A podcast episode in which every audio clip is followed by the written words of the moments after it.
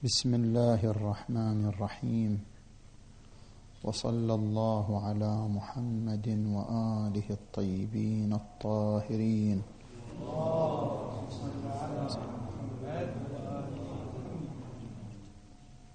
ذكرنا فيما سبق أن السيد الشهيد قدس سره تبنى أن القضايا المحسوسة من القضايا النظرية التي لا بد في إثباتها من إقامة دليل وهو دليل حساب الاحتمالات. وقلنا بأن السيد العلامة قدس سره تبنى التفصيل بين إدراك أصل الوجود وإدراك تفاصيل الوجود. فهناك فرق بين العلم الإجمالي بوجود المحسوس وبين العلم التفصيلي. فالعلم الإجمالي من القضايا الأولية والعلم التفصيلي هو الذي يحتاج إلى إثبات. وقلنا بأن نظرية السيد العلامة قدس سره أقرب إلى الصحة مما تبناه السيد الشهيد قدس سره. وبيان ذلك أن هناك فرقا بين إدراك أصل الوجود وإدراك كيفية الموجود. مثلا إذا تعرض الإنسان لحرارة فشعوره بأصل الحرارة أمر أولي لا يحتاج إلى إثبات. إدراك الإنسان أن هناك حرارة أمر يفرضه الواقع عليه وليس باختياره أن يدرك أو لا يدرك وليس باختياره أن ينفي أو يثبت فإن الحرارة التي تعرض على الجسم هي التي تفرض نفسها على الجسم بحيث لا مجال للجسم أن يجعل وجود الحرارة موردا لدليل أو موردا لحساب الاحتمالات. وأما كيفية هذه الحرارة أو نوع هذه الحرارة هل هي حرارة النار؟ هل هي حرارة الشمس؟ هل هي حرارة الحركة؟ هل هي بدرجة كذا؟ هل هي بدرجة كذا؟ هذا الوجود التفصيلي للحرارة هو الذي يحتاج إلى إثبات. أصل وجود الحرارة الذي فرض نفسه على الإنسان من القضايا الأولية لا يحتاج إلى إثبات. العلم التفصيلي بنوع الحرارة وكيفيتها ودرجتها هو الذي يحتاج إلى إثبات هو الذي يحتاج إلى دليل. ومن أجل أن نبين ذلك نذكر عدة تعليقات وملاحظات في المقام. التعليقة الأولى إن نفس درجة اليقين وسرعة حصوله لدى النفس في القضايا الحسية بمعنى أصل الوجود كدرجة اليقين وكسرعته في القضايا الأولية. الإنسان عندما يدرك أن الأربعة زوج القضايا الفطرية التي قياساتها معها. إذا أدرك الإنسان أن الأربعة زوج لأنها تنقسم إلى متساويين.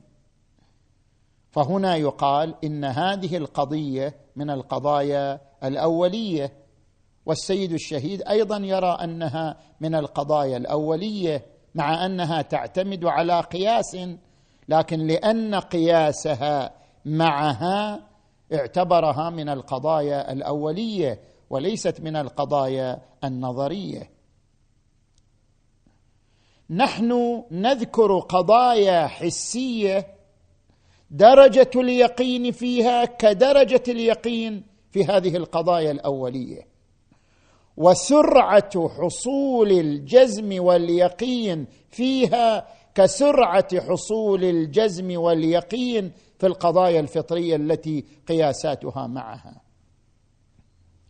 إدراك الإنسان أن له سمع وأن له بصر وأنه لا يستطيع أن يدرك المبصرات بالسمع ولا يستطيع أن يدرك المسموعات بالبصر ولا يستطيع أن يتكلم وهو مطبق فاه. ولا يستطيع أن يأكل وهو نائم. هذه كلها قضايا حسية. هذه القضايا الحسية إدراك الإنسان فيها على نحو اليقين لا يقل عن إدراكه أن الأربعة زوج درجة اليقين الموجودة في أن هناك سمعا وهناك بصرا وأن المبصرات لا تدرك بالسمع وأن المسموعات لا تدرك بالبصر. درجة اليقين في هذه القضايا لا تقل عن درجة اليقين في قولنا الأربعة زوج. وسرعة الجزم في هذه القضايا ليست أقل من سرعة الجزم في قولنا الأربعة زوج. فما معنى أن الأربعة زوج من القضايا الأولية؟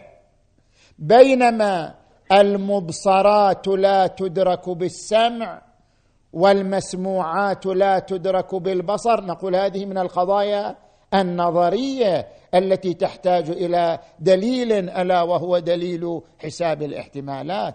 لا فرق بينهما من حيث درجة اليقين ومن حيث سرعة الحكم الجازم. وبعبارة أخرى إن القضايا الضرورية إما أن ترجع إلى ضرورة الإدراك أو ضرورة المدرك أي إما أن يكون الإدراك من حاق العقل وليس من الدوافع العاطفية وليس من تلقين المحيط الذي يعيش فيه الإنسان. وليس بعوامل بيئية قسرية لأنه العقل إذا أدرك شيئا استنادا لأحد هذه الأمور إما الدوافع العاطفية أو تلقين المحيط أو العوامل البيئية القهرية فهذا ليس ادراكا ضروريا لأنه لم ينبع من حاق العقل. وأما الإدراك النابع من حاق العقل فهو إدراك ضروري. إذا أدرك أن الأربعة زوج فهذا من حاق العقل لا من عوامل أخرى. كذلك إذا أدرك أن المسموعات لا تدرك بالبصر والمبصرات لا تدرك بالسمع فهو إدراك من حاق العقل لا بعامل آخر. وإما أن الميزان في القضية الضرورية ضرورة المدرك بمعنى أن ثبوت المحمول للموضوع بالضرورة لا يحتاج إلى علة لا يحتاج إلى واسطة. ثبوت الزوجية للأربعة لا يحتاج إلى واسطة كذلك في المقام. ثبوت أن المبصر لا يدرك بالسمع لا يحتاج إلى واسطة. ثبوت أن المبصر أن المسموع لا يدرك بالبصر لا يحتاج إلى واسطة. المسموع يعني لا يدرك بالبصر. المبصر يعني لا يدرك بالسمع. ثبوت أحدهما للآخر لا يحتاج إلى واسطة ودليل. اذا الميزان في القضايا الضرورية وهو ضرورة الإدراك أو ضرورة المدرك منطبق على القضايا المحسوسة التي هي عبارة عن العلم بأصل الوجود بأصل الوجود للمحسوسات.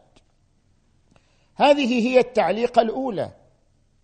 التعليقة الثانية أننا عندما نرجع إلى الدليل الذي ذكره كانت والسيد الشهيد اعتبره أيضا نافذة للوصول إلى هذه النظرية وهي ان وهو أنه قال لا يمكن أن تكون القضايا المحسوسة قضايا أولية وهي مما يقع فيها الخطأ. كيف تكون قضايا أولية وهي مما يقع فيها الخطأ؟ مثلا إذا حركنا النار حركة مستديرة. حس البصر يعتقد أن هناك دائرة من النار وهو مخطئ في ذلك.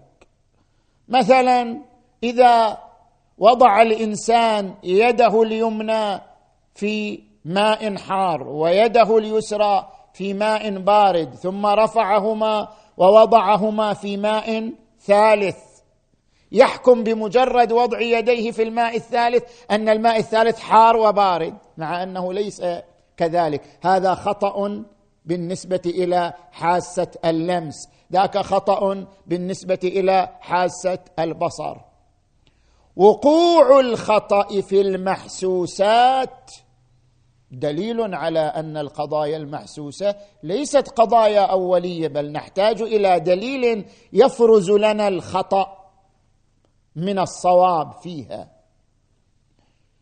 نقول بناء على ذلك. أي بناء على أن الدليل الذي قادنا لأن نتبنى هذه النظرية وهي أن القضايا المحسوسة قضايا نظرية الدليل هو وقوع الخطأ في المحسوسات. هذا الدليل هو بنفسه يفرز لنا العلم الاجمالي عن العلم التفصيلي وأن العلم الاجمالي بأصل الوجود أولي والعلم التفصيلي بكيفية الموجود نظري. وبيان ذلك أن الإنسان عندما يخطئ في الحس أين موقع خطئه هل يخطئ في القضايا المحسوسة مطلقا؟ كي يكون ذلك دليل على أن القضايا المحسوسة قضايا نظرية وليست أولية؟ أم أن الموطن الذي يخطئ فيه الحس غير الموطن الذي يصيب فيه الحس؟ هناك موطنان. ما هو موطن الخطأ في القضايا المحسوسة؟ في جوانب ثلاثة تعرض لها السيد العلامة في أصول الفلسفة. في التفسير في الحكم في نسبة عمل قوة لقوة أخرى. هنا يخطئ الحس في هذه المواطن الثلاثة وكلها تتعلق بالعلم التفصيلي. الموطن الأول أن يخطئ في التفسير كما مثلنا سابقا. يقوم إنسان يدير النار بحركة مستديرة هو يفسر ما يرى بأنه نار مستديرة نار دائرية. ما الذي أخطأ؟ أين وقع الخطأ؟ لم يقع الخطأ في أصل وجود شيء في الخارج. أصل وجود شيء في الخارج لا خطأ فيه. أصل وجود نار متحركة هذا أمر لا خطأ فيه. الخطأ أين وقع؟ في التفسير. تفسير هذه النار المتحركة بأنها نار مستديرة هنا وقع الخطأ. فلم يقع الخطأ في أصل المنشأ منشأ الإحساس الذي هو يفيد العلم الإجمالي بوجود المحسوس. هذا ليس موطن الخطأ. إنما وقع الخطأ في تفسير المحسوس في تحديد كيفية المحسوس. الموطن الثاني موطن الخطأ في الحكم.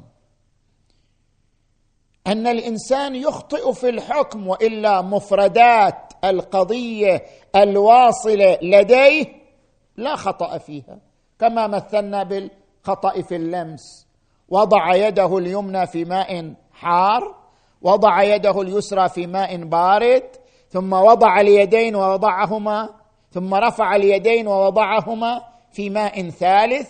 لما وضع اليدين في الماء الثالث حكم بأن هذا الماء الثالث حار وبارد والحال بأن آثار الحرارة في اليد اليمنى هي التي أوهمته هذا الحكم وآثار البرودة في اليد اليسرى هي التي أوهمته هذا الحكم.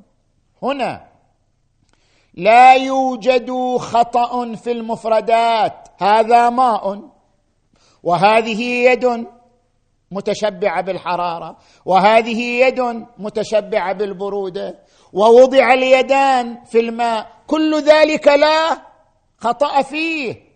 الخطأ في الحكم الحكم على هذا الماء أنه حار وبارد معا. هذا وقع فيه الخطأ. وهذا خطأ من العقل وليس خطأ من نفس اتصال الحس بالواقع الخارجي. اذا لم يقع خطأ في أصل الوجود وقع خطأ في الحكم. الموطن الثالث في نسبة عمل قوة لقوة أخرى. مثلا أنت تقول جاء محمد إلى الدار. أنت عندما دخل الرجل إلى الدار الحاسة ما أخطأت في شيء. المجيء أدركته. دخول رجل أدركته الحاسة. داخل الدار كل ذلك أدركته الحاسة. إنما ما الذي حصل؟ هناك قوة متخيلة لمحمد وهناك قوة محسوسة للرجل الذي دخل الدار وهو يشابه في صفاته وسماته محمد. أنت نتيجة المشابهة. نسبت الصورة المتخيلة للصورة المحسوسة. الذي أحسست به صورة رجل يحمل سمات معينة. الذي كان مرتسما في متخيلتك هو صورة محمد. طبقت الصورة المتخيلة على الصورة المحسوسة. بينما بين الصورتين فرق. قلت دخل محمد الدار والحال بأن محمد لم يدخل الدار وإنما دخل رجل مشابه له. إذن هنا نسبنا عمل قوة وهي المتخيلة لقوة أخرى وهي قوة الإحساس. نتيجة نسبة عمل قوة لقوة أخرى حصل الخطأ. بعد ذلك نصل إلى النتيجة. ما دام الوجود الخارجي ما دام الوجود المحسوس ينفرز إلى قسمين. قسم لا يقع فيه الخطأ وهو العلم الإجمالي بأصل الوجود. قسم يقع فيه الخطأ وهو التفسير وهو الحكم وهو نسبة عمل قوة لقوة أخرى. اذا بالنتيجة نفس هذا يؤكد لنا أن هناك فرقا بين العلم الإجمالي بوجود المحسوسات وبين العلم التفصيلي بكيفية المحسوسات وأن الأول من القضايا الأولية والثاني من القضايا النظرية التي تحتاج إلى دليل كدليل حساب الاحتمالات. التعليقه الرابعه عفوا التعليقة الثالثة.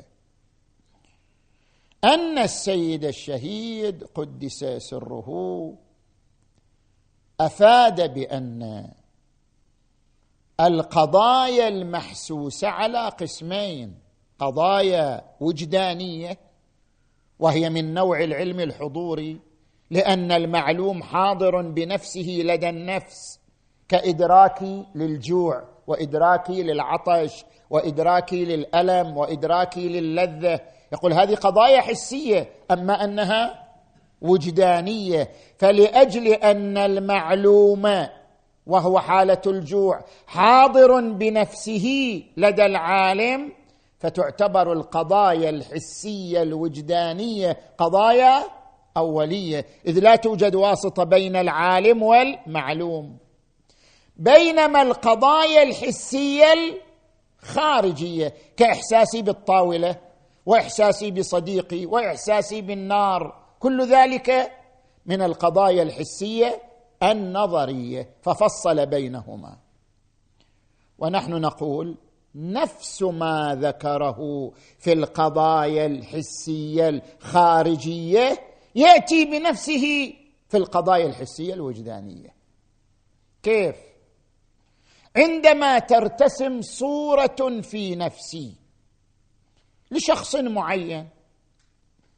إدراكي لهذه الصورة إدراك حضوري علم حضوري لأن الصورة بنفسها حاضرة لدى النفس.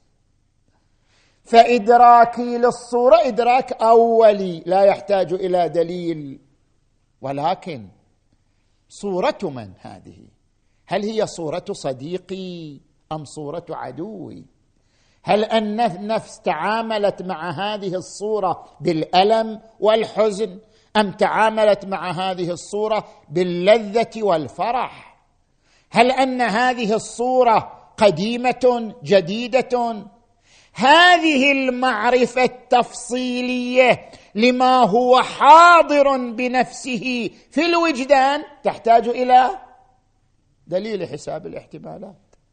مع أنها معلومة بالوجدان مع أن المعلوم حاضر بنفسه لدى العالم إلا أن هناك فرقا بين العلم الإجمالي والعلم التفصيلي. العلم الإجمالي بأصل وجود الصورة في النفس نعم هذا علم بديهي هذه قضية أولية. أما تفاصيل الصورة وسمات الصورة فهو مما يحتاج إلى عملية تقوم بها النفس بالمقارنة بين الصور المختلفة إلى أن تصل إلى حد الجزم بهذه السمات.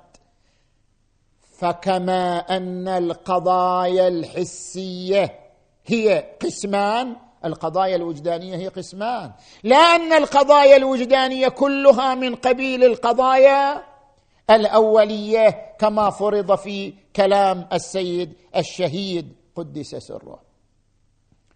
بقية الكلام مع السيد الشهيد قدس سره نرجئه إلى الجلسة القادمة إن شاء الله تعالى والحمد لله رب العالمين والصلاة والسلام على محمد وآله الطيبين الطاهرين.